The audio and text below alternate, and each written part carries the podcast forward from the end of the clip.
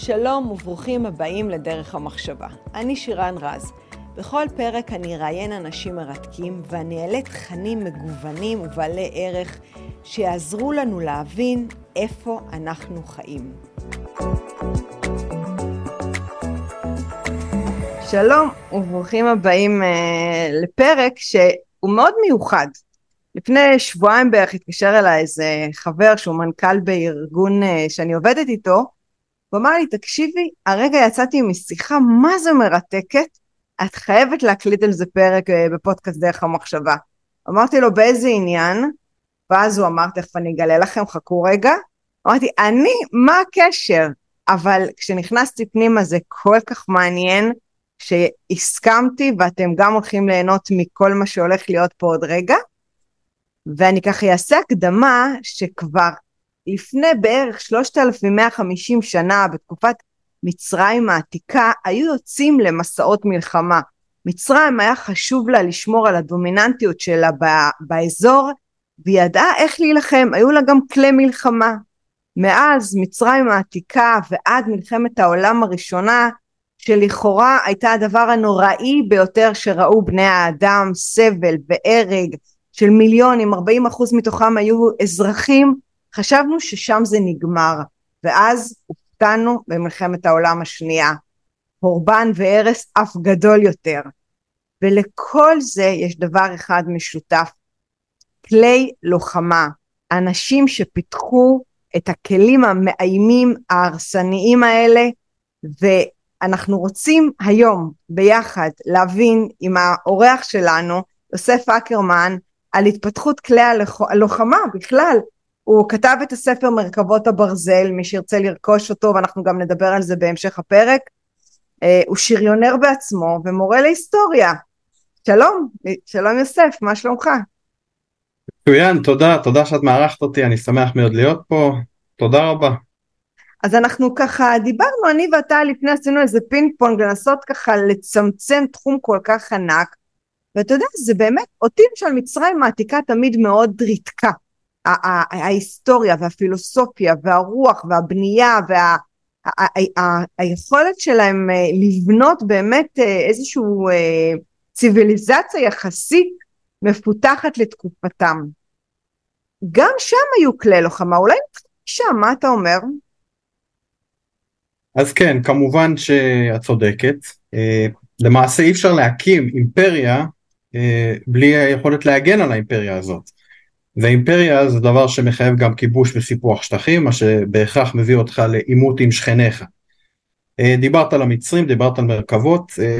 הקרב המתועד הראשון, קרב קדש, 1274 לפני הספירה אם אני זוכר נכון, קרב בין החיטים לבין המצרים, לשניהם יש מרכבות. אה, שניהם גם משתמשים בעוד מגוון כלי נשק, אבל המרכבות זה בעצם כוח ההלם העיקרי של שני הצבאות האלה, וזה הקרב המתועד הראשון, וכבר שם יש לנו מרכבות. שהמרכבות הן בעצם מה שאנחנו זוכרים מהסרטים זה שני גלגלים אה, שיושבים עליהם הלוחמים ורצים עם סוסים, זה המרכבות הראשונות, נכון?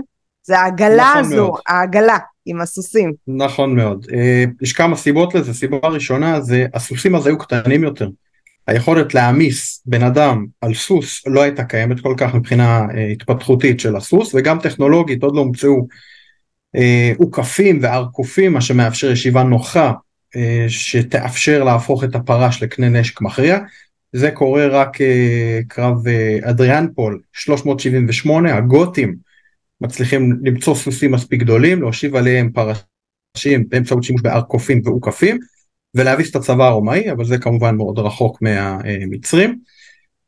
אז כן, מחברים בעצם פלטפורמה ניידת, מה שלסוס, שני סוסים, שלושה, ארבעה, לפעמים שישה אפילו, תלוי כמה מהר אתה רוצה להגיע, כן, שישה כוח סוס, נשמע מרשים. נכון. וכן, כן, והיום במונחים של היום, שאתה חושב על אה, מרכבה סימן 4, 1500 כוח סוס, אז כאילו אנחנו לא באותו גזרה אפילו.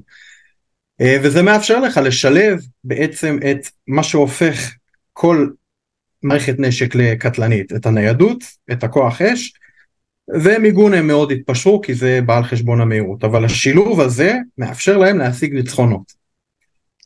אז, אז בעצם באותה תקופה שבוא נגיד שהתחילו האימפ...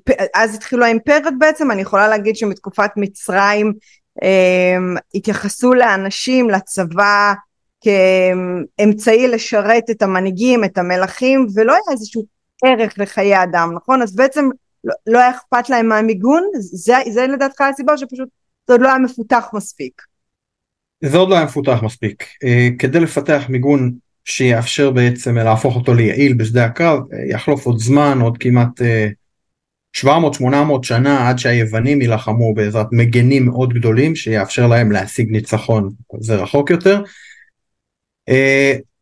זה גם כוח האדם לא היה לו משמעות, לבני אדם אין כל כך משמעות, זו המצאה מאוחרת יחסית, זה אנחנו רואים החל ממגפת הדבר השחור באירופה, שלכוח אדם יש פתאום חשיבות כי אין הרבה אנשים וזה יגיע לשיא בעידן הנאורות מה-17-18 אבל זה מאוד רחוק מהמצרים הסיבה היא שאין מיגון זה כי אם תשים מיגון גם אם יהיה לך אמצעות טכנולוגית זה מאוד יעט את הסוסים בעצם אם אתה מעמיס משקל אתה מאבד מהירות ולכן. בעצם כשצריך לבחור בין שני הגורמים האלה במקרה הספציפי הזה מעדיפים את המהירות ולכן אין כל כך מיגון. אתה כן יכול לעשות את הקשר בין המרכבות המצריות הראשונות לטנק של ימינו? אתה כן חושב שזה איזשהו אב טיפוס ראשוני? אז uh, בדרך כלל היעדים של הטנק והיעדים של המרכבות האלה uh, לא תמיד הם חופפים. המרכבה היה לה תפקיד מאוד מאוד uh, משמעותי בשדות הקו שלה, בדרך כלל המטרה הייתה uh, לתקוף מהר וחזק את האויב. לפעמים בעזרת ניידות אפשר לעשות את זה מהאגפים ובמידה ולא אז יש לך כוח הלם כן? חירניק שעומד בשורה. הרבה פעמים הוא נשלף מהשדה לפני יום יומיים שלושה חודש לפני הקרב המכריע ופתאום הוא רואה מולו עשרות מאות לפעמים אלפי פרשים לא פרשים אלפי מרכבות כאלה דוהרים לעברו. זה מאוד מרתיע זה כוח עם המון הלם כן זה העוצמה שלו. הטנק לא תמיד משתמשים בו דווקא ככוח הלם אה, המטרה של טנקים, כן, זה אנחנו נראה עם הבליצקריג, מלחמת העולם השנייה, אה, מלחמת תנועה, זה לא תמיד, כלומר השאיפה היא למנף פריצה של מערך האויב לכדי אה, בעצם תבוסה במלחמה בלי צורך להכריע את האויב ספציפית בנקודה הזאת, זה השימוש הגרמני בטנקים, הבליצקריג. בתקופה של המרכבות פחות היה אפשרות לעשות את זה, המטרה זה השמדת הצבא של האויב והמרכבות שימשו לא תמיד בצורה מאוד יעילה לצורך הדבר הזה. אפשר לראות דוגמה ליעילות של זה כשעם ישראל, בני ישראל יוצאים מצרים, דיברת על מצרים, נכנסים לארץ כנען והם נתקלים בכנענים שלהם כן יש מרכבות. וזה דוחף את בני ישראל להתיישב בעצם בגב ההר איפה שמרכבה לא יכולה לעבוד בצורה יעילה. כלומר זה מאוד, זה כלי מאוד יעיל, הרבה פעמים הוא מאוד מפחיד גם. אגב גם הטנק ככה היה ביטוי בגרמנית כי הרי הבריטים היו הראשונים להשתמש בטנק במלחמת העולם הראשונה התחיל ביטוי ביטוי גרמני אה, אימת הטנק בגרמנית פנזר שריק החי"ר הגרמני פתאום רואה איזה מפלצת ענקית, אני לא אגיד אה, דוהרת לעברו כשתי קילומטר לשעה זה לא כל כך uh, מרשים, וזה אמור להביא לידי אימה, יחידות uh, צבאיות פחות מאומנות עם פיקוד פחות מוצלח, הרבה פעמים פשוט זרקו את הנשק וברחו. אז זה, זה הקשר בין השניים. אוקיי, אז, אז בוא נעשה, אתה רוצה לעשות קפיצה מהירה למלחמת העולם הראשונה, שיש איזו תקופה בהיסטוריה בין לבין שחשוב לך שנדע? כן, אה, לא, אפשר לבצע קפיצה, בכמה מילים רק נחבר את הדברים, בעצם אה, המרכבות האלה, השילוב הזה בין הגורמים, בצורה מוצלחת יותר או פחות, זה דבר שמעסיק הוגה דעות צבאיים לכל אורך ההיסטוריה. איך אני משלב את היכולות האלה לכדי כלי מוצלח. טכנולוגית אין כל כך אפשרות, מה שמשנה את המשחק זה מנוע בעירה פנימי. סוף אה, אמצע המאה ה-19 מנוע קיטור, יש ניסויים עם מנוע קיטור, זה לא מוצלח. מאמר מוסגר נגיד שדה וינצ'י בונה איזה, כן מצייר, אני לא חושב שהוא, לא נראה לי הוא בנה בפועל אב טיפוס, אבל הוא מצייר איזה כלי עגול עם תותחים בפנים, שיש כמה אנשים בפנים שהולכים פיזית, דוחפים את העגלה המשוריינת הזאת עם הרגליים, מוגן בלוחות של עץ, זה בעצם רעיון לטנק שלא יצא לפועל. מנוע בעירה פנימי משנה את כללי המשחק, אנחנו מגיעים לתחילת המאה ה-20, לא כל כך רחוק, כולה 120 שנה בדיוק, 1903, מתפרסם בעיתון בריטי, עיתון בשם הסטרנד, אה, סיפור בהמשכים שמספר על מלחמה בין אומה מתועשת לאומה חקלאית והקרבות מגיעים לאיזשהו אה, קיפאון, איך פורצים את הקיפאון, האומה המתועשת, בונה טנקים. הם קוראים לזה זה באנגלית זה ironclads כן? מחופי הפלדה מחופי הברזל וזה מאפשר להם לפרוץ בעצם את הקיפאון לשבור את הקיפאון ולסיים בניצחון. זה בעצם תחילתו הופעתו הראשונה בספרות למעשה במאה ה-20 של הטנק ככלי שניתן להשתמש בו. אה, אה, אנחנו מגיעים למלחמת העולם הראשונה. מלחמת העולם הראשונה מתחילה וזה מאוד כן הסיפור הזה מאוד אה, רלוונטי כי זה אמנם זה לא זה, שת, זה כל המעצמות האירופאיות בתקופה הזאת המערב אירופאיות הן מתועשות אבל למעשה מה שקורה זה הצבא הגרמני פולש כן בעקבות רצח הארכידוקס פרנסרטינן בסרייבו בבוסניה. כל העסק מתגלגל לכיוון מלחמה בריטניה נשאבת פנימה כי גרמניה ברצונה להכריע את צרפת אה, אה, כן, ההיגיון אומר שהדרך להכריע את האויב זה הדרך הקצרה ביותר. עכשיו אם אני יודע את זה, אז גרמניה יודעת את זה וכנראה שגם צרפת, ומכאן שהגרמנים אומרים רגע, אה, אם אני אתקוף בצורה שמתוכנן, שברור, לא ילך טוב. אז הם אומרים בוא נעשה איגוף. עכשיו מסתכלים על המפה, צפונית לצרפת, בלגיה, בוא ניכנס דרך בלגיה.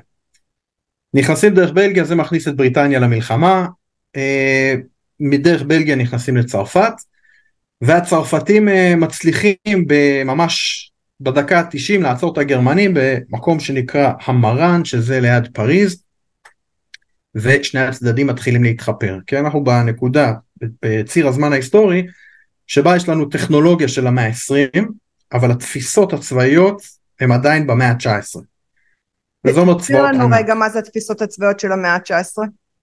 אה, החידוש הגדול של נפוליאון זה שזה לא נפוליאון יוצא למלחמה, זאת צרפת שיוצאת למלחמה. המשמעות היא שאם צבא במאה ה-17, מאה ה-18, 30 אלף איש לחוץ, כשנפוליאון נכנס ל- לרוסיה ב-1812 עם 600 אלף איש. כלומר, זה כל היכולת התעשייתית, הצבאית, וההון האנושי שעומד לרשות מדינה מגויס למלחמה. מלחמה טוטאלית. עכשיו זה אומר שאנחנו, מפקד שיושב על, על איזה גבעה מאחורה, הוא לא תמיד יכול לראות את כל שדה הקרב, זה מחייב בעצם רמת אימון מסוימת, רמת ציוד מסוימת, שתאפשר אה, לנהל את, ה, את המלחמה הזאת בצורה יעילה. אה, זה מביא לפיתוח המטה הכללי, המטכ"ל, על ידי הגרמנים, שבעצם המוח של הצבא, אה, ובעצם הרבה פיתוחים טכנולוגיים שמאפשרים, כן, בצורה, אה, נגיד בצורה קצת בוטה, להרוג המון אנשים בפרק זמן מאוד קצר. וככה יש לנו קרבות של נפוליאון שמסתיימות תוך אה, יום יומיים עם עשרות אלפי הרוגים. עכשיו הדרך להתקיף את האויב בדרך כלל זה במסות מאוד גדולות. החיילים מתנהלים בצורה מאוד מוחצנת, בולטת, הם צריכים לבלוט בשדה הקרב, כדי שהמפקד על הגבעה הזאת מאחורה יראה אותם, ידע להבדיל בין כוחותיו לאויב. המשמעות היא שחיילי צרפת לדוגמה תחילת מלחמת העולם הראשונה לובשים מדים שהם תכלת ואדום. כן, מאוד צבעוני, מאוד uh, יפה, נראה טוב בעין, אבל אם, אם אני יכול לראות אותו, הגנרל על הגבעה מאחורה, אז האויב יכול לראות אותו. עכשיו הטכנולוגיה השתפרה ככה שאני תותחן לא צריך לראות את האויב בעיניים כמו בתקופת נפוליאון. הוא לא צריך לראות 100 מטר, 200 מטר מהאויב, הוא יכול להיות 10 קילומטרים מהאויב. כן. הוא מקבל דיווח, מקבל, מסתכל על המפה ומתחיל להוריד פגזים על אה, נקודת ציון, והמשמעות היא מאות הרוגים, אלפי הרוגים בפרק זמן מאוד קצר. עכשיו, החי"ר, החיל רגלים בשני הצדדים מצויד ברובה יחסית ארוך, במונחים של היום זה לא נראה מאוד נוח לנסיעה, הוא כבד, זה ארבעה קילו למשקל כארבעה קילו, מטר עשרים, מטר וחצי לפעמים אורכו, אבל אם אני רואה את האויב אני פוגע בו, חד משמעית אין משחקים מהעניין הזה, תוסיפי לזה מקלעים שהתחילו להיכנס לשימוש נרחב, מקלע בעצם מאפשר לראות 600-700 כדורים בדקה, המשמעות היא שאין מישהו שיכול לרוץ מהר ככל שירוץ שיוכל להימנע מפגיעה. וזה אומר שמסות של חיילים משני הצדדים נתקלים אחד בשני, אף אחד לא מנצח את הקרבות האלה כי זה פשוט יותר מדי אנשים מכדי שאפשר לנצח בנוקאוט. ומאגר הכוח אדם של המדינות השונות בעצם מתחיל להתרוקן. עכשיו הרעיון בהתחלת המלחמה היה זה פנטזיה כזאת שיש לכל הגנרלים, ניתן נוקאוט, נפרוץ את מערך האויב, נשלח את הפרשים פנימה, פרשים יסתערו לעומק שטח האויב והנה הופ ניצחנו. זה לא קורה, פיזית זה לא קורה. התיאור שלך זה ממש ההגדרה של בשר תותחנים. בשר תותחים זה בדיוק זה. כן. זה בדיוק זה. Mm-hmm. עכשיו גם פרשים פיזית לא יכולו להסתער כי כמו שראינו בני ישראל צריכים להתיישב בגב ההר כי אין אפשרות להפעיל פרשים שם במרכבות. אותו דבר אירופה, אירופה בחורף, בקיץ, לא משנה, באירופה גם בקיץ יורד גשם, שדה רגיל נהיה בוץ. עכשיו תוסיפי לשדה הזה חצי שנה, שנה, שנתיים, ששני הצדדים יורים אחד על השני פגזים, מכתשים עמוקים, פגרי בעלי חיים, גופות בני אדם, עצים הרוסים, אין אפשרות פיזית לפרש להסתער שם. המשמעות היא שצורת הלחימה כפי שהכרנו לא רלוונטית יותר. לתוך הפרצה הזאת נכנס אה, קצין בריטי בשם ארנס סווינטון שהוא בין שלל הכובעים שהוא לובש הוא באותה תקופה קולונל כן אלוף משנה בצבא הבריטי הוא מהנדס הוא השתתף במלחמת הבורים נגד דרום, דרום אפריקאים והוא הבין את החשיבות של יכולת להסתער על עמדת אויב אויב מבוצר עם נשק ארוך שהוא מסוגל לפגוע באויב מטווח ארוך הוא מבוצר ומחופר, אין אפשרות למעשה להוציא אותו מהחפירה הזאת, הוא יזרע הרס והרג קרב הכוחות המסתערים. אז אותו סווינטון, שהוא גם הכתב הרשמי של הצבא הבריטי, כלומר כל החדשות מהחזית המערבית, מערב, כלומר אה, בגזרה בצרפת, בלגיה, הוא אחראי על זה. והוא בעצם uh, מתחיל לחשוב רגע צריך להיות פתרון לסיפור הזה דיברת על בשר תותחים זה זה מה שקורה שם יש יום קרב 13 אלף הרוג 13 אלף נפגעים זה לא מרשים אף אחד זה מספרים שזה כבר נהיה סטטיסטיקה. אומרים שסטלין אמר שמקרה מוות אחד זה טרגדיה מוות של מיליונים זה סטטיסטיקה אז אנחנו כבר בשלב של הסטטיסטיקה פה. והוא נזכר שהוא שמע על איזה טרקטור אמריקאי עם זחל במקום גלגלים שיכול לעבוד בצורה טובה בבוץ, הוא אומר בוא נתחיל לזרום עם הרעיון הזה. יש לו חברים במקומות גבוהים, הוא מקושר, הוא מתחיל לגלגל את הרעיון הזה, במקביל ובלי קשר אליו, אה, ראש הצי הבריטי, כן, השר הממונה, קוראים לזה הלורד הראשון של האדמיריליות, זה בעצם השר, תפקיד פוליטי שאחראי על כל הצי, הצי הבריטי כמובן הגדול והחזק בעולם, תקציבים אינסופיים, אחד בשם, שמענו עליו קצת יותר בתקופות מאוחרות יותר, ווינסטון צ'רצ'יל, וצ'רצ'יל שומע על מה שקורה בצרפת, וצ'רצ'יל יש לו קטע, הוא אמרו עליו שיש לו 100 רעיונות ביום, אחד מהם טוב. אחד מהרעיונות האלה טוב, שניים אולי. אז אחד הרעיונות שהתפלק לו והיה טוב באותו זמן, זה אומר, צריך למצוא פתרון. עכשיו למה זה מגיע דווקא מהצי? א' כי צ'רצ'יל ככה הוא, ב' כי הצי הבריטי הוא מאוד חדשני, המטוסים הראשונים בשימוש צבאי בבריטניה של הצי. ויש לו כסף. אז הוא בעצם פותח את הארנק, מוציא 70 אלף לירות שטרלינג, שמושגים של היום זה סביב ה-8 מיליון לירות שטרלינג, ואומר יאללה תתחילו לחשוב על רעיונות. פה לשם מתגלגל הסיפור ובונים אב טיפוס. האב טיפוס הזה נקרא ווילי הקטן, הוא לא מאוד מוצלח, אה, בונים גרסה אחרת, אה, וזה לא דומה לטנק המודרני בכלל, ולזה קוראים אימא, אב הטיפוס הראשון, אימא, הילדים שלה. אני רק רוצה לוודא שאני לא מפספסת, כשאתה דיברת על, על הזחל, הטרקטור, זה קש... בנו את האב טיפוס על הטרקטור? או שזה עדיין לא כן, לא כתוב את זה? ווילי כן. הקטן זה בעצם לקחו את הטרקטור, הלבישו עליו ארגז משוריין. טרקטור הזוחל. בדיוק. ו... וככה בעצם יש לנו אפשרות לצלוח את אה, שטח ההפקר רווי המכתשים וגדרות התיל והוא חסין תאורטית למקלעים ואז הנה פתרנו את הבעיה. כלומר הטנק לא נועד לאחרי המלחמה הוא נועד לפתור בעיה. מה הבעיה? שטח הפקר איך אני חוצה אותו. אה, ובעצם אה, מכאן אנחנו מתגלגלים יש כל מיני גרסאות של הטנק אבל הבריטים הדגש שלהם זה לחצות את שטח ההפקר ומכאן הצורך בטנק נובע מזה ומכאן המאפיינים של הטנק טנק כבד ומוגן כוח אש ומוותרים על הניידות. גם על הנוחות של אנשי הצוות אגב דיברנו על חשיבות של אנשי הצוות זה גם נכנס פה. אבדות בקנה מידה בלתי נתפס. מחייבות את הבריטים להתחיל לתת משמעות לחיי אדם כי אנחנו לא יכולים לעמוד בזה. Uh, עכשיו גם הצרפתים נכנסים לעניין הזה והם גם בונים טנקים. הטנק המודרני הראשון טנק צרפתי טנק רנו.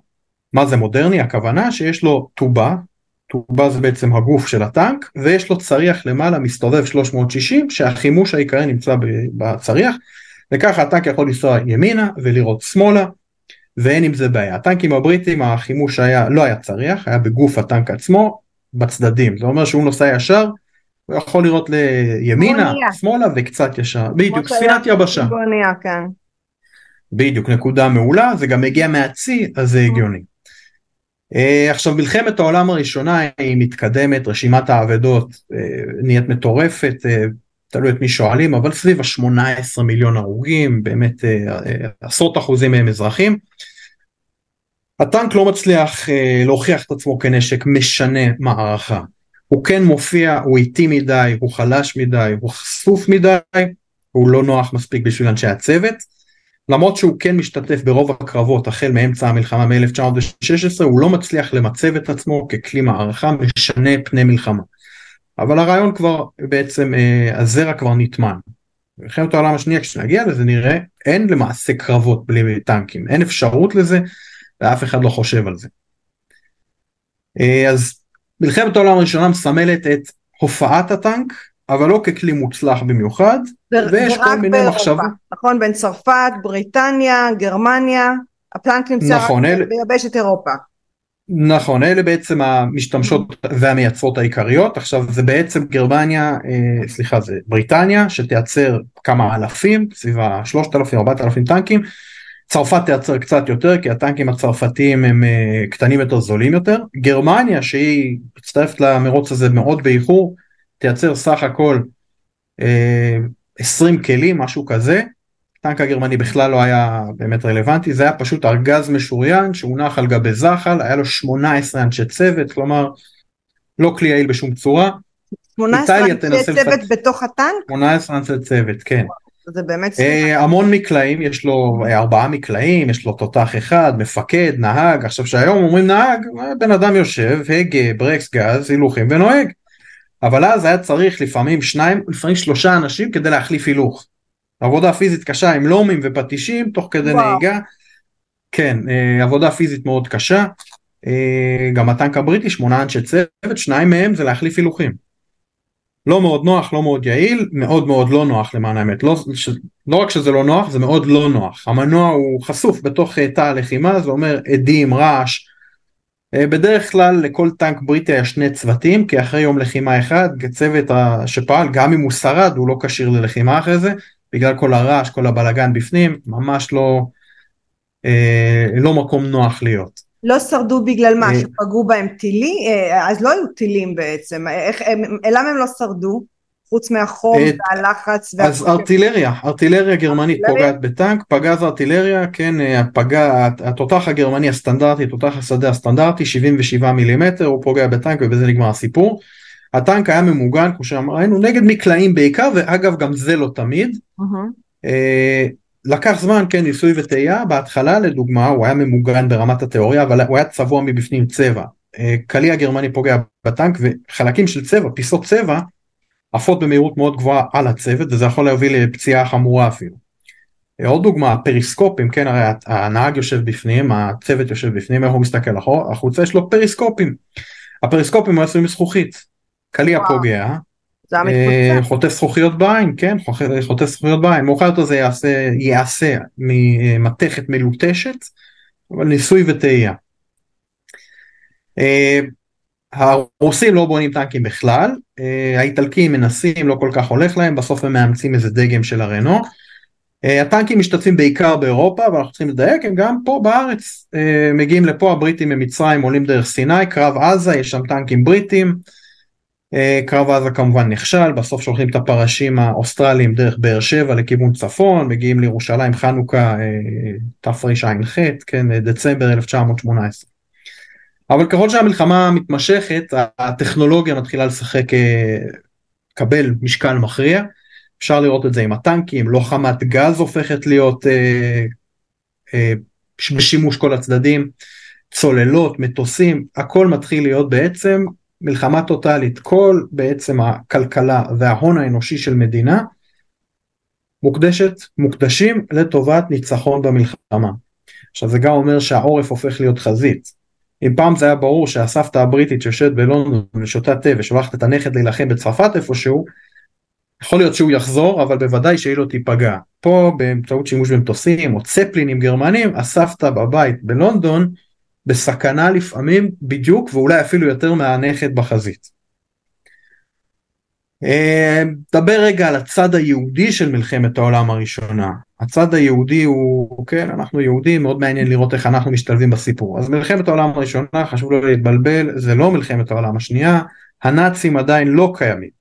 ומכאן גרמניה לכאורה היא אומה נאורה כמו שאר האומות, ויהודי גרמניה מתגייסים ומתגייסים במספרים מאוד גבוהים לצבא הגרמני, אה, מתוך רגש פטריוטיות. היהודים בגרמניה בדרך כלל לא היו בעלי רגשות ציוניים מאוד חזקים, בין אם הם דתיים בין אם הם לא דתיים, התנועה הרפורמית התחילה בגרמניה, כלומר הרבה יהודים גרמנים הם כמו שאמר מנדלסון גרמנים בני דת משה, אני גרמני בחוץ, בבית אני יהודי, ועם הזמן אה, כן או לא זה משתנה אבל הם מאוד פטריוטים.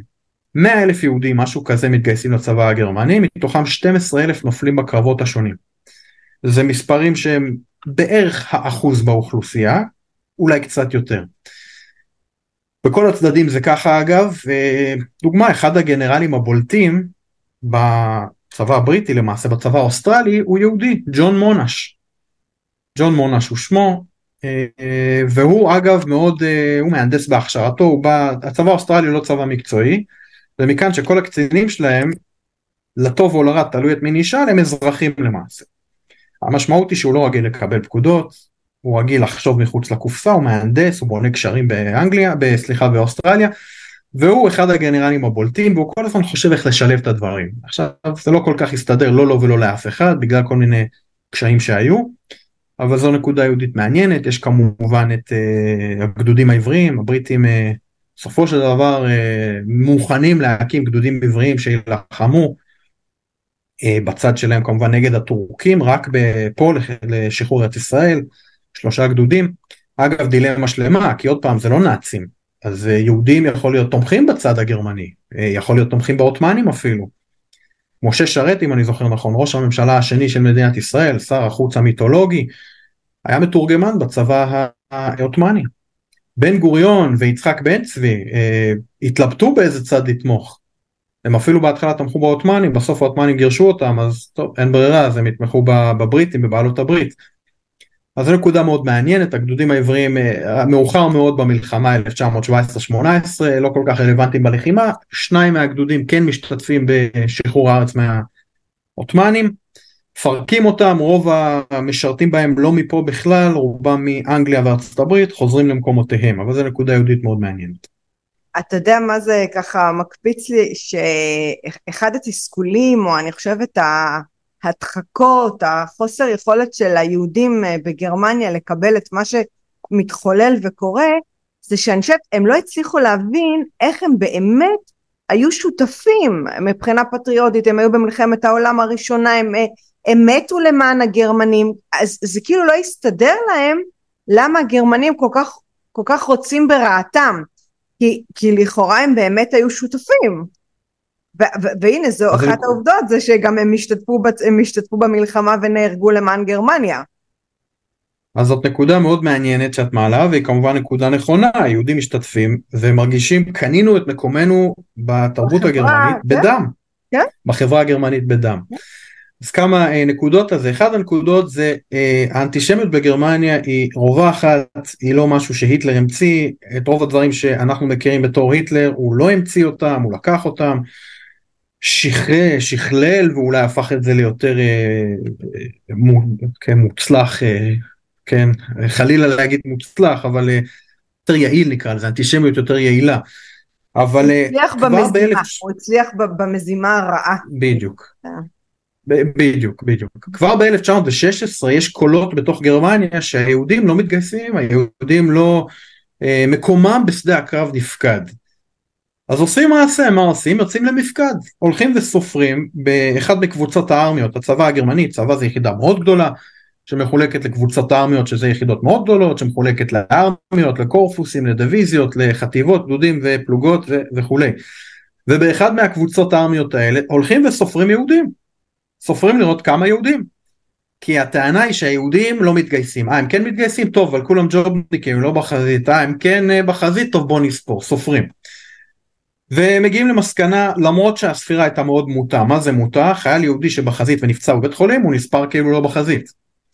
אה, סופרים ומגיעים למסקנה שהיהודים נמצאים ביחס אה, תקין לאוכלוסייה, כלומר הם לא משרתים יותר מדי ולא משרתים פחות מדי, היית חושבת זה ישמוט את השטיח מתחת לקרקע של הטענות, זה לא, הטענות ממשיכות. אה, אחת הטענות אחרי זה שהיטלר יחזור על זה זה אגדת הסכין בגב. גרמניה הרי סוף המלחמה, מלחמת העולם הראשונה הסתיימת בצורה מאוד, כן, מוזרה. הרי מלחמת העולם השנייה ברור מי ניצח ומי הפסיד, למה? כי סוף המלחמה היטלר התאבד, הצבא הרוסי נמצא בברלין בבונקר של היטלר, אז אין פה שאלות. מלחמת העולם הראשונה מסתיימת שהצבא הגרמני המפסיד נמצא בבלגיה וצרפת. כלומר, אין חייל צרפתי, בלגי, אמריקאי או בריטי בגרמניה שהוא לא שבוי מלחמה. אז איך הפסדנו? ניצחנו. מה התשובה? סכין בגב, בגדו. מי בגד? תשלים את החסר. הרבה פעמים מי שהשלים את החסר, יהודים. אבל תשמע משהו מעניין, הרי במלחמת העולם הראשונה התחלנו את השיחה שגרמניה פלשה לצרפת. זאת אומרת מלחמת העולם הראשונה התחילה בגלל פלישה של גרמניה לצרפת, כן לצרפת. מלחמת העולם השנייה התחילה בגלל גרמניה. עכשיו גרמניה, נכון? אני, אני צודקת? כן, כן, חד משמעית. היא הפסידה בגרמניה במלחמת העולם הראשונה, זאת אומרת, היא התחילה את מלחמת העולם הראשונה כי הייתה מתוסכלת בגלל אה, הפסדים קודמים שלה שהיא זכרה לצרפת. הפסידה במלחמת העולם הראשונה, גררה את העילבון ואת התחושות הקשות, ואז יצאה למלחמה נוספת אה, במלחמת העולם השנייה, ושוב הפסידה. זאת אומרת, יש פה עקביות של גרמניה שמחוללת מלחמות, היא גם מפסידה, אבל היא נכון. גם גורמת. נכון, צריך להוסיף, אה, גרמניה גם נלחמת נגד צרפת ב-1870, okay. אוקיי. מביסה את צרפת, וצרפת רוצה לנקום. גרמניה מתחילה את מלחמת העולם הראשונה לא בגלל שהיא מרגישה חלשה ורוצה נקמה, אלא הפוך היא מרגישה חזקה. הקייזר, הקיסר הגרמני, הקייזר שהוא אגב בן דוד של מלך אנגליה ובן דוד של מלך אה, אה, רוסיה, הצאר ברוסיה, הוא מחפש, ואני מצטט, מקום תחת השמש. הוא לא יוצא למלחמה אה, כי הוא חלש, אלא הוא יוצא כי הוא חזק עם רגשי נחיתות. כן. והוא בעצם אה, משתף פעולה עם אוסטריה, שרוצה ללמד את הסרבים לקח, וזה מכניס את הרוסים. והגרמנים אומרים אנחנו נביס את הרוסים, אז מבחינתם הכל מסתדר, והם רוצים לצאת מהמלחמה עם קולוניות ברחבי העולם, אימפריאליזם. זה מתל... מתלבש לתוך האימפריאליזם הגרמני. עכשיו, אה, מה שאת אומרת זה נכון, הגרמנים אה, במאה השנה האלה בין 1870 ל-1940, 70 שנה, הם אה, למעשה הגורם מספר אחת לתמותה באירופה, לא יודע, אולי אפשר להגיד את זה ככה. העולם, הם גררו את כל העולם, כאילו הם אלה שהיו הזרה. נכון, עכשיו. אז, אז כן, גרמניה באמת זה זה, ולכן אחרי מלחמת העולם הראשונה הנטייה היא להיכנס בגרמנים כמה שיותר חזק בהסכמי ורסאי. כי גם 1870 הבס... אני, אני צרפתי, הבסתם אותי את צרפת, 1914 עד 18 ממש בעור שינינו הצרפתים הצלחנו לנצח עם האמריקאים וחצי עולם היה צריך כדי לנצח את הגרמנים. אז אני חייב להיכנס בגרמנים כמה שיותר חזק כדי לפגוע ביכולת שלהם לעשות את זה פעם שלישית. הם, עכשיו, יש בעיה בלנצח בנוקאוט, כי אם האויב יקום, אז הוא יקום חדור נקמה. כלומר יש אמירה לא יודע איפה שמעתי אבל אם אתה אה, אם יש לך אם הרגל שלך נמצאת על הצוואר של הטיגריס הבעיה היא שאתה לא יכול להרים את הרגל. אז הסכם ורסאי זה להניח את הרגל על הצוואר של הטיגריס. ברגע שאתה מתחיל לשחרר הטיגריס קם והטיגריס רעב. כן. אה, זה מה שקורה עם גרמניה. עכשיו יש כאלה היסטוריונים שמסתכלים על מלחמת העולם הראשונה השנייה והתקופה שביניהם כבעצם מלחמת 30 שנה חדשה. הייתה מלחמת 30 שנה במאה ה-17, חצי אירופה חורבן מוחלט במרכז אירופה, אז מסתכלים על זה מלחמת 30 שנה מודרנית. ובאמת יש קשר הדוק בין שתי מלחמות העולם, ופה אנחנו גולשים לכיוון מלחמת העולם השנייה. אה, אגב, לפני שנעשה את זה במאמר אה, מאוד מעניין להגיד שגרמניה היא האויב מספר אחת של צרפת, זה חידוש היסטורי. תמיד הבריטים הוא האויב מספר אחת, לא הגרמנים. פה אנחנו רואים ההיסטוריה, כן היום אתה אומר, ברור שבריטניה וצרפת הן בעלות ברית. היסטורית זה לא ככה.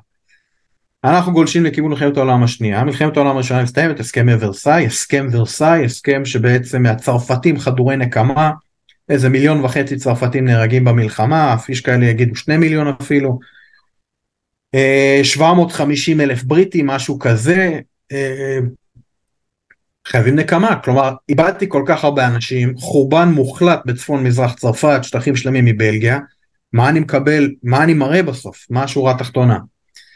אז ההסכם הזה משית על גרמניה תשלומי פיצויים מאוד מאוד גבוהים. אה, הוא אוסר על גרמניה שיהיה לה צבא מעל 100 אלף חיילים, אין טנקים, אין מטוסים, אין צוללות, אין לוחמת גז. עכשיו בעינינו אתה אומר 100 אלף חיילים, אני בספק אם בצה"ל יש 100 אלף חיילים, אז אתה אומר 100 אלף חיילים, אז 100 אלף חיילים יש בצה"ל. אז כן, וזה לפני מכתבים למיניהם. והיה שם איזשהו בלאגן ש... לא בלאגן, ויכוח, דיון סוער על, מה, על המספרים שהוא אמר בין החיילים, לא משנה, חיילי יבשה, מה יש לנו במילואים, מה יש לנו ס... סדיר, זה הצחיק אותי עכשיו. כן, אז אם לא ידענו פעם, היום עוד פחות אנחנו יודעים מה יש לנו ואין לנו. אה, אז מאה אלף, עכשיו בעינינו, בסדר מאה אלף, אבל בעיני גרמני ממוצע מאה אלף זה אומר שמלהיות הצבא הכי חזק באירופה, הפכתי להיות צבא כמו רומניה. עכשיו אתה אומר נו אז תהיה צבא כמו רומניה big deal, איזה איומים כבר יש עליך, אבל מבחינת גרמניה הצבא הגרמני זה, זה כבוד, אם אמא יהודיה רוצה בן רופא, בן עורך דין, אמא גרמניה רוצה בן קצין, זה מה שהיא רוצה. אז אתה מצמצם את זה, זה לא רק פגיעה בתחושת הביטחון הגרמנית, זה פגישה ממש באגו הגרמני העמוק הבסיסי של העם הגרמני. אין גם טנקים, אין מטוסים, אין צוללות, אין כלום, אז הם מרגישים חשופים, הם מרגישים ש... שלא בצדק מאשימים אותם במלחמה, אחד הסעיפים זה הגרמניה אשמה, והחטא היחיד שלהם זה שהם הפסידו למעשה, כך הם מרגישים. עכשיו לתוך הסיפור הזה נכנסים עוד רגשות כמו מיליטריזם, לאומנות קיצונית בחלקים מהעם, אה, חוסר חיבור לדמוקרטיה. העם הגרמני הוא עם שהדמוקרטיה היא מדינה דמוקרטית לכאורה, רפובליקת ויימר, בחירות, נשיא, הפרדת רשויות, כל מה שצריך חוקה מאוד ליברלית אגב, אה, זכות בחירה לנשים, כל מיני דברים שכאלה, אבל זה לא, זה לא מכה שורש. הגרמני הממוצע לא כל כך מתחבר לקונספט. לתוך הוואקום הזה נכנסים כל מיני קבוצות, ביניהם קומוניסטים, ביניהם כמובן הנאצים, אה, אדולף היטלר כמובן, ו, ומה שקורה זה גרמניה שואפת להשתחרר מהעול הזה של הסכמי ורסאי. זה יקרה עם עליית היטלר לשלטון. היטלר עולה לשלטון 1933, אה, ינואר, 30 לינואר 33, ואחד ההצהרות המובטחות, אחת ההבטחות בחירות שלו, כן, שבשונה מרוב פוליטיקאים הוא מתייחס ברצינות לחלק מההבטחות שלו, אני הולך להתנער מהסכם ורסאי גרמניה, הולכת לעמוד על שתי הרגליים שלה, היא הולכת להיות אומה אירופאית גאה כפי שהייתה. והוא למעשה מגייס את כל הכלכלה הגרמנית לבנייה מחודשת של הצבא הגרמני, כולל כמובן טנקים, Uh, בספר שלי מרכבות הברזל אני עושה גם בזה, הסוגים השונים של הטנקים וההשוואה בין איך כל צעד חושב על להשתמש בהם. ובעצם הוא מיד משתחרר, עכשיו כלומר הוא לא מיד משתחרר, לוקח שנתיים, אבל לפני שהוא משתחרר הוא כבר לפני זה מתחיל אה, להקדיש המון כסף למטוסים, לטנקים, דברים כאלה. אגב גם ברפובליקת ויימר הדמוקרטית כבר התחילו להתאמן עם טנקים ברוסיה, בברית המועצות. הגרמנים מביאים ידע טכני, ידע תעשייתי, הרוסים מקצים מקום למעשה, אה, והם מתאמנים ביחד. אה, וגרמניה למעשה מתנערת, 1935 היא למעשה שוברת את אה, כבלי ורסאי ויוצאת לחופשי, ולמעשה כל הכלכלה הגרמנית משועבדת לטובת הסיפור הזה. מה המשמעות? המשמעות היא שפועל ממוצע בגרמניה, למרות שהנתונים המספרים של כלכלת גרמניה מרשימים, לא מרגיש שינוי. השפל הגדול 1929 פוגע קשה בכלכלת גרמניה, בעובד הגרמני, בפועל הגרמני הממוצע, הוא לא מרגיש שינוי ביום יום, אבל גרמניה אה, בעצם מתחזקת. למה הוא לא מרגיש שינוי? כי כל המשאבים הולכים לטובת הצבא. אה, וככה בעצם מתקדמים לכיוון 1939. אה, עכשיו גרמניה מאוד חלשה, זה נראה מרשים, היא מתחילה לבנות טנקים, היא מאוד חלשה ובשלב הזה היה אפשר עוד לעצור את הרכבת הזאת שהיא עוד לא דוהרת לכיוון מלחמת העולם השנייה והשואה אבל היא בהחלט מתקדמת. מעצמות אירופה מסתכלות על מלחמת העולם הראשונה ורואות את מספרי ההרוגים ואומרים לא, לא יהיה, לא יקרה, אנחנו לא נעשה מה שצריך כדי שזה לא יקרה. בבריטניה התפיסה הרווחת היא פייסנות, כלומר אדולף היטלר, הר היטלר, כן, אדון היטלר כמו שצ'יימברלין קורא לו, הוא סך הכל אה, מנהיג אירופאי, הוא אדם הגון, הוא מתחייב, הוא אומר דברים, אנחנו מאמינים, הוא חותם על מסמכים, זה שווה משהו. אבל יש כל אחד ברקע שצועק, פנינו למלחמה, זה אותו אחד שדיברנו עליו מקודם, אחד ווינסטון צ'רצ'יל, שהוא במדבר הפוליטי. הוא במדבר הפוליטי כי מלחמת העולם הראשונה הוא דוחף לכל מיני יוזמות צבאיות, גליפולי זה אחת הדוגמאות, והיוזמה הזאת אה, הולכת לאבדון, רבע מיליון אבדות לבריטים ובעלות בריתם, אוסטרלים, ניו זילנדים, רבע מיליון הטורקים פלוס מינוס, אגב זה המקום הראשון שגדוד עברי נלחם, גדוד נהגי הפרדות, פיקודו של טרומפלדור. ועם הכישלון הזה הוא בעצם נזרק מהחיים הפוליטיים לתקופה, הוא הולך להיות uh, מפקד גדוד בצרפת, נלחם שם. הוא חוזר לפוליטיקה, ועכשיו הוא במדבר. למה במדבר? כי הוא אומר לברית, לבריטים משהו שהבריטים לא רוצים לשמוע. מלחמה תגיע. מה, אנחנו הם, מתקדמים, היטלר... הם מרוסקים, הם מרוסקים כלכלית, הם מרוסקים אה, נפשית, אה, עדיין הם מלקקים את, ה, את, את הפצעים שלהם בכל היבט, בכל היבט מדינות אירופה, זה די הגיוני. לא, מה שמדהים אותי בסיפור הזה, איך בסופו של דבר הנפש של הבן אדם לוקחת החלטות. כי הם, הם, הם, הם, הנפש שלהם לא הצליחה להכיל איזושהי התמודדות חדשה. הם רצו לשקם את עצמם, להתחיל חיים חדשים. זה, זה, זה נורא מזכיר גם את החיים האישיים שלנו, את החיים הפרטיים, לא? שאתה לפעמים נכון, צריך... כן. אוקיי. אז הם באמת מרוסקים.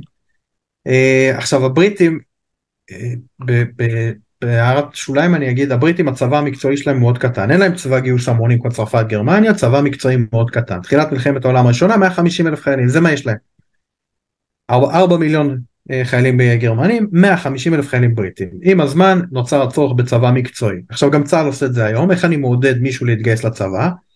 אני אומר תבוא עם חברים שלך, תביא את החבר'ה מהשכונה, תלכו ביחד לאותו פלוגה, לאותה מחלקה, תהיו ביחד. המשמעות היא שכשיש קרב עם המון אבדות, אז יש פתאום שכונה שלמה שמתרוקנת מגברים בני, בגיל גיוס. כלומר זה פוגע בבריטים, זה פוגע בהם מאוד חזק, אה, ובשום מחיר הם לא מוכנים לצאת למלחמה. עכשיו יש להם יתרון על פני הצרפתים שהם באי, כלומר יהיה מלחמה, לא יהיה מלחמה, לי יש אי, אליי הבית הזה לא בהכרח יגיע. כן. צרפתים אין את הפריבילגיה הזאת, כי השכנה ממזרח זאת גרמניה, אין אה, אי, אין תעלה אנגלית, אין, אין דברים כאלה. אבל הצרפתים למעשה בשנות ה-30 אה, תופס אותם רוח מאוד הגנתית, מאוד פסיבית, ובונים את קו מז'ינו. קו מז'ינו זה קו ביצורים אה, מטורף, וזה לא רק קו, כלומר הם, הם למעשה לוקחים את תקציב הביטחון שלהם ומשקיעים אותו באדמה כפשוטו. בונים קו ביצורים אימתני, מטורף, יש כל כך מטורף שיש בפנים, כי הוא כל כך מסועף, סוג של רכבת קלה כדי לשנע חיילים ממקום א' למקום ב'. יש כל מיני פיתוחים טכנולוגיים מטורפים, תותחים שיוצאים מהאדמה, אתה יורה כמה פגזים, חוזר פנימה להיות מוגן. וואו. כל תקציב הביטחון מושקע באדמה, כפשוטו. Mm-hmm. עכשיו הקו מז'ינו זה גם תפיסה זה לא רק קו פיזי כלומר אני הגנתי. Mm-hmm. Uh, ופה אנחנו גולשים למלחמת העולם השנייה חיסרון בולט בלגיה בלגיה אותו דבר כמו מלחמת העולם הראשונה למה שזה לא יקרה בשנייה. עכשיו בלגיה ניטרלית בלגיה ניטרלית זה אומר בלגיה מבינה שהיא בעצם uh, גרמניה אם גרמניה זה הטיגריס מהדוגמה מקודם אז היא הכבשה שעכשיו נמצא בכלוב. מי אמור להגן עליה? אז על עצמה היא לא תצליח להגן צרפת ברוח קו מז'ינו זה משענת קנה רצוץ, לא בהכרח, תעזור. אז בלגיה אומרת, אני נצמד לניטרליות הזאת בכל מחיר, עד לרמה אבסורדית. הרי צרפת היא לא איום, גרמניה היא כן איום, אז אתה אומר, בסדר, תהיה ניטרלי, אבל תבנה ביצורים, כיוון גרמניה. אבל אם אני אבנה ביצורים כיוון גרמניה, אז אני אומר לגרמנים, אני לא סומך עליך, אז מה הם עושים? על כל ביצור שהם בונים כיוון גרמניה, בונים אחד לכיוון צרפת. הם מהאו"ם, שוודים, לא יודע מה, נורבגים. את הגרמנים זה לא מרשים. עכשיו התוכנית המבצעית, כן, אנחנו פה כבר תחילת המלחמה, של הצבאות הבריטים והצרפתים, זה אה, ברגע שגרמניה מכריזה מלחמה הם נכנסים לתוך בלגיה והם יגנו על צרפת מתוך בלגיה כשהיעד המוצר הוא להביס את הגרמנים על אדמה בלגית כדי שכל ההרס לא יהיה בצרפת. זה במאמר מוסגר. היטלר בינתיים אה, מספח את חבל הריין, כן, הצד המזרחי של הריין זה בגרמניה, אבל זה הוכרז כאזור מפורז, אי אפשר להכניס כוחות, היטלר ב-1936 אומר, אז מה, אז חתמנו, אז מה, נכניס כוחות. צרפתים אומרים לבריטים זה הזמן לבלום אותם, הבריטים אומרים תצא למלחמה בשביל זה, לא, לא בולמים. 1938 הוא מספח את, אה, צ'כסלו, את, אה, סליחה, את אוסטריה, האנשלוס, הסיפוח, העולם עומד ואומר טוב מדברים גרמנית באוסטריה מדברים גרמנית בגרמניה זה אותו עם מה בסדר big deal מה היטלר עושה בחצר האחורית שלו זה עניינים שלו. ואז הוא בעצם יוצא עם הצהרה שיש בצ'כסלובקיה מיעוט גרמני שכן הם קוראים לזה סודטים כי הם גרים בחבל הסודטים שהצ'כים מתנכלים להם. גרמניה חייבת להגן על גרמנים. אנחנו נכריז מלחמה. צרפת ובריטניה אומרים רגע המלחמה זה לא טוב לא רוצים להישאב לתוך מלחמה. בוא, בוא, בוא נדבר נשב נפגשים במינכן הסכם מינכן הסכם מינכן למרבה החרפה. גוזרים את העתיד של צ'כסלובקיה בלי נציגים מצ'כסלובקיה וההסכם קובע חבל הסודטים יעבור לידי גרמניה, גרמניה בזה מיצתה את התביעות הטריטוריאליות שלה באירופה וחסכנו מלחמה. צ'יימברלין חוזר לאנגליה עם מפית שהיטלר חתם עליה, יורד מהמטוס, מנפנף במפית, שלום בזמננו הוא מצהיר. השגתי שלום, אף חייל בריטי לא ימות כדי להגן על הצ'כים. צ'רצ'יל רואה את זה והוא אומר, היה, הייתם צריכים לבחור בין אה, חרפה למלחמה, בחרתם בחרפה ולכן תקבלו מלחמה. וזה בדיוק מה שקורה, אה, כמה חודשים אחרי זה היית מספח את צ'כסלובקיה, והיעד הבא זה פולין. פולין נמצאת צפונית לצ'כסלובקיה, עכשיו גרמניה אחרי מלחמת העולם הש... הראשונה פוצלה. רוב הגרמניה שאנחנו מכירים קיימת, ועוד איזה אזור קטן שנקרא פרוסיה, אגב היום זה בשליטה רוסית, כלומר מסתכלים על מפה היום, רואים את המדינות הבלטיות עם איזה נקודה קטנה של רוסיה שם, לא ברור למה, כי זה היה פעם גרמניה, רוסיה כבשה, אף פעם לא החזירה. אז גרמניה למעשה נמצאת מצפון לפולין, מדרום לפולין וממערב לפולין.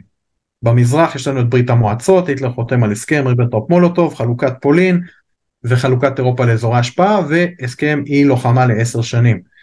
היטלר לוקח את הטנקים שקצת אה, נגענו בהם, הטנקים שלו בשלב הזה הם לא מרשימים בלשון המעטה, אבל הדרך שבה הוא משתמש בהם מאוד מרשים. הדרך שבה הוא משתמש, Blitzkrieg, עכשיו Blitzkrieg זה ליחסי ציבור, השם המקורי הגרמני נשמע קצת פחות מרשים, נקרא Bewegungskrieg, Bewegung תנועה, Krieg מלחמה, כלומר מלחמת תנועה, מה עושים? לוקחים טנקים, מסביב לטנקים בונים מערך שלם ביחידה שנקראת דיוויזיה, כן, אוגדה בעברית, Panzer, דיוויזיית שריון, Panzer בגרמנית שריון. לוקחים חיר, שמים בנגמשים, שאתה תוכל לנסוע באותה מהירות כמו הטנקים, לוקחים הנדסה, שמים בנגמשים, לוקחים ארטילריה, שמים על בסיס, על טובה של טנק, תותח מתנייע. בכל טנק יש מכשיר קשר, מטוסים למעלה, אתה יכול לדבר איתם ובעצם לנצל אותם לטובת ניצחון ב, אה, ב, בקרב הספציפי. עכשיו רוב הצבא הגרמני עדיין הולך ברגל כמו אבותיו במלחמת העולם הראשונה, כמו סבותיו במלחמת פרוסיה צרפת וכמו סבות סבותיו במלחמת נפוליאון. עשר דיוויזיות פנצר, קרוב ל-200 נראה לי, דיוויזיות הכי רגילות. כלומר בסיפור הזה איך אני, איפה אני שם את הטנקים, הצרפתים לדוגמה אמרו נשים בכל מקום קצת. הגרמנים אמרו נשים בכל, ברוב המקומות כלום, אבל איפה שנשים נשים הכל.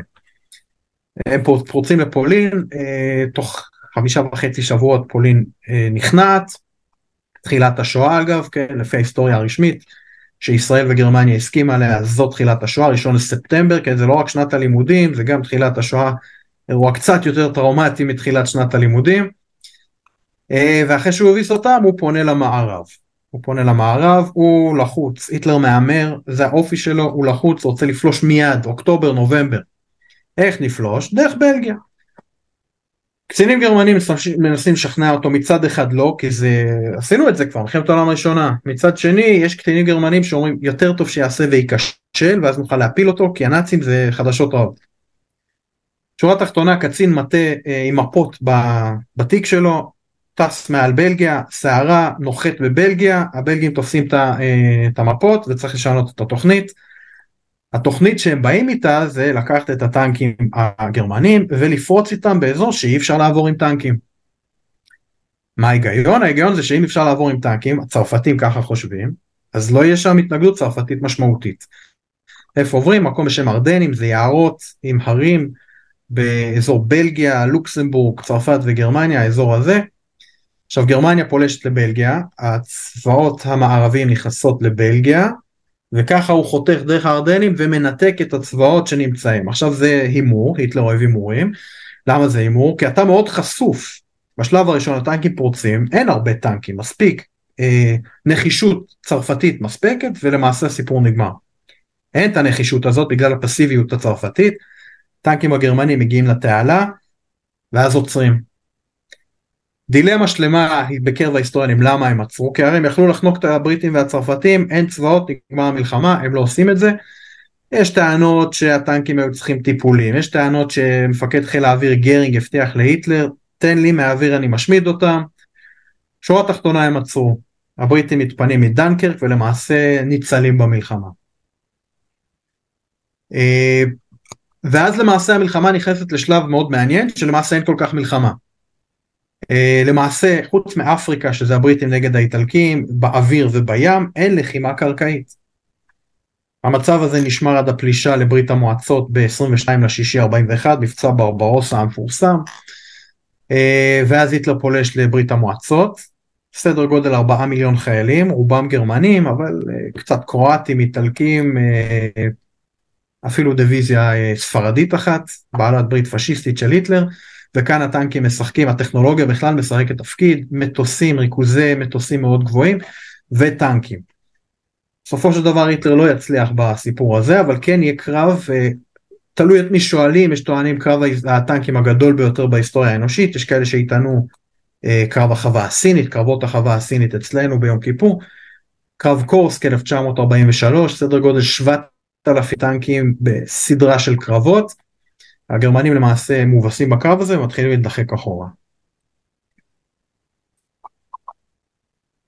Uh, עכשיו, מבחינת היהודים כמובן, uh, אז יש שם כמובן את השואה, שזה כמובן לא צריך להרחיב על זה, yeah. אבל uh, עוד נקודה יהודית בסיפור הזה, בצבא הרוסי יש מאות אלפי חיילים יהודים, חלקם מגיעים לתפקידי פיקוד בכירים, אה, יש תמונה מאוד מפורסמת כשהצבא האדום, הצבא הרוסי והצבא הגרמני נפגשים אחרי כיבוש פולין ב-1939 אז יש שם את uh, קצין גרמני שלוחץ ידיים לקצין רוסי, הקצין הרוסי הוא יהודי.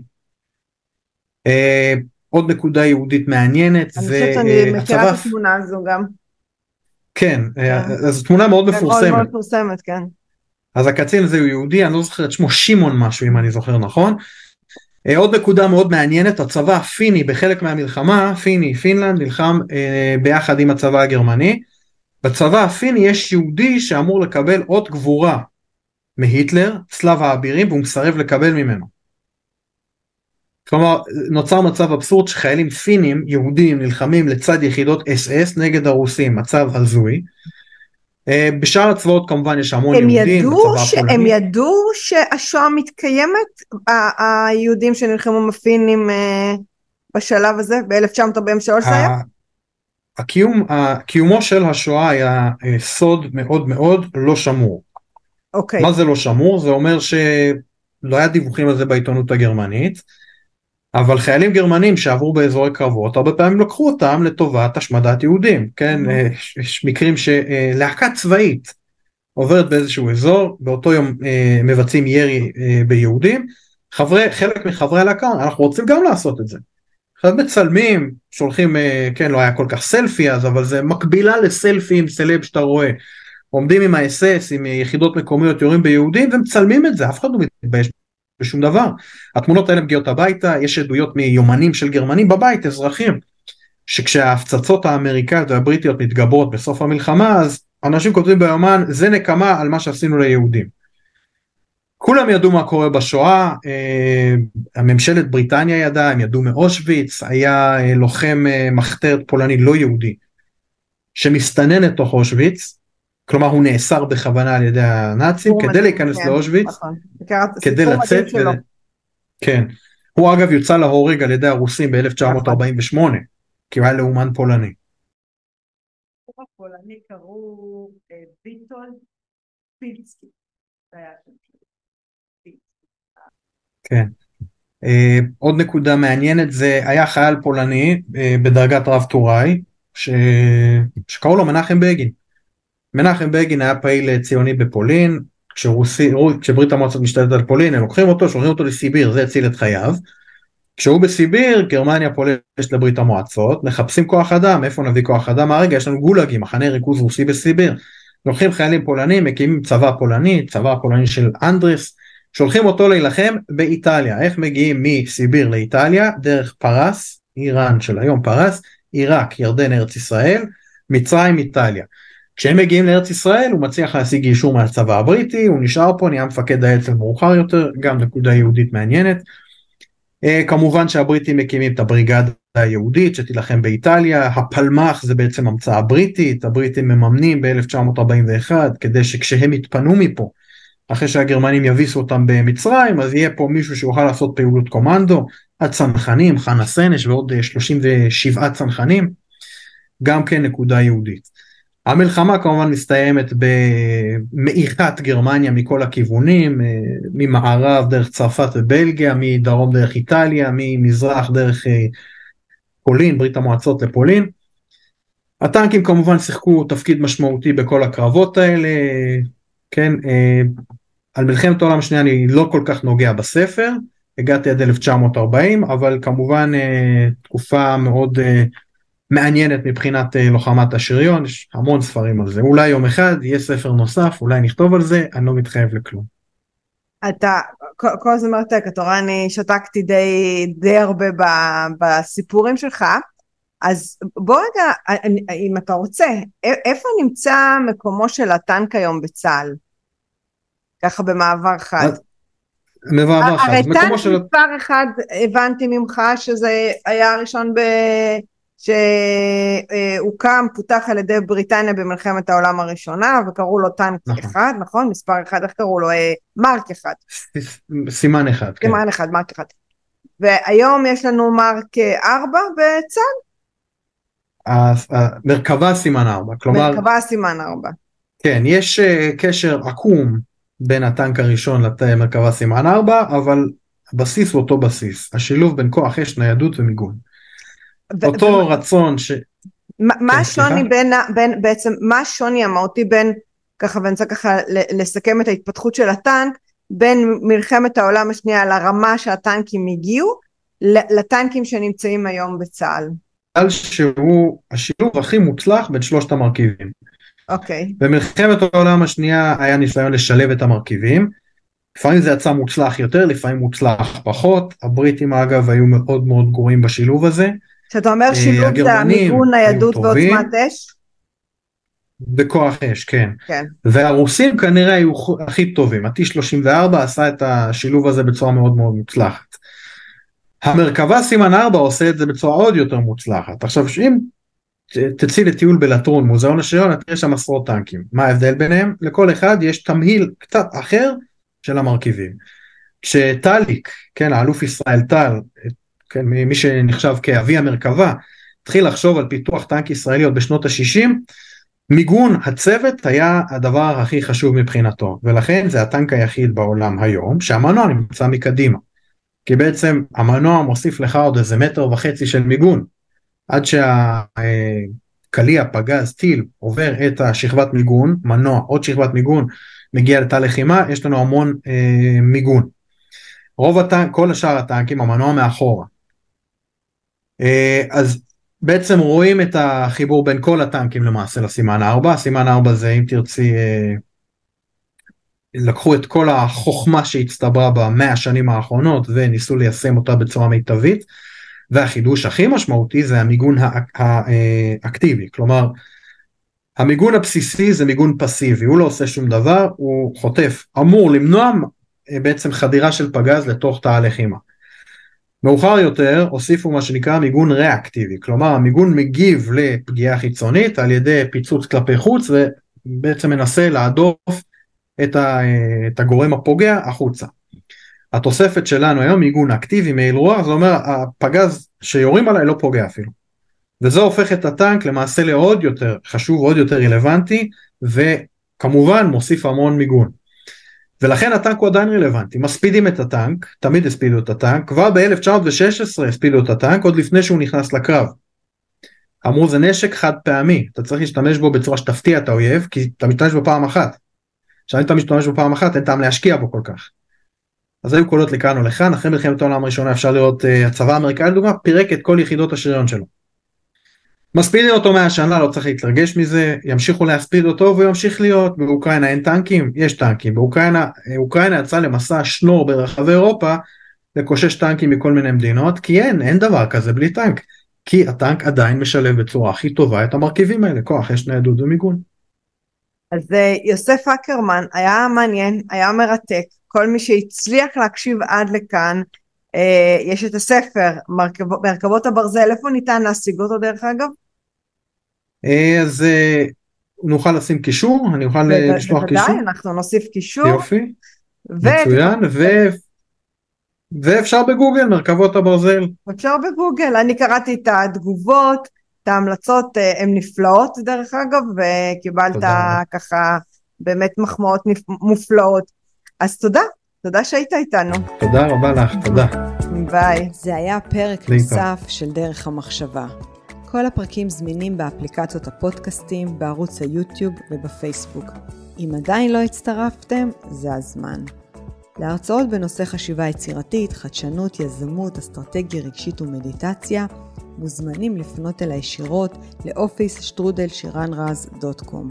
אני שירן רז, ואהיה איתכם גם בפרק הבא.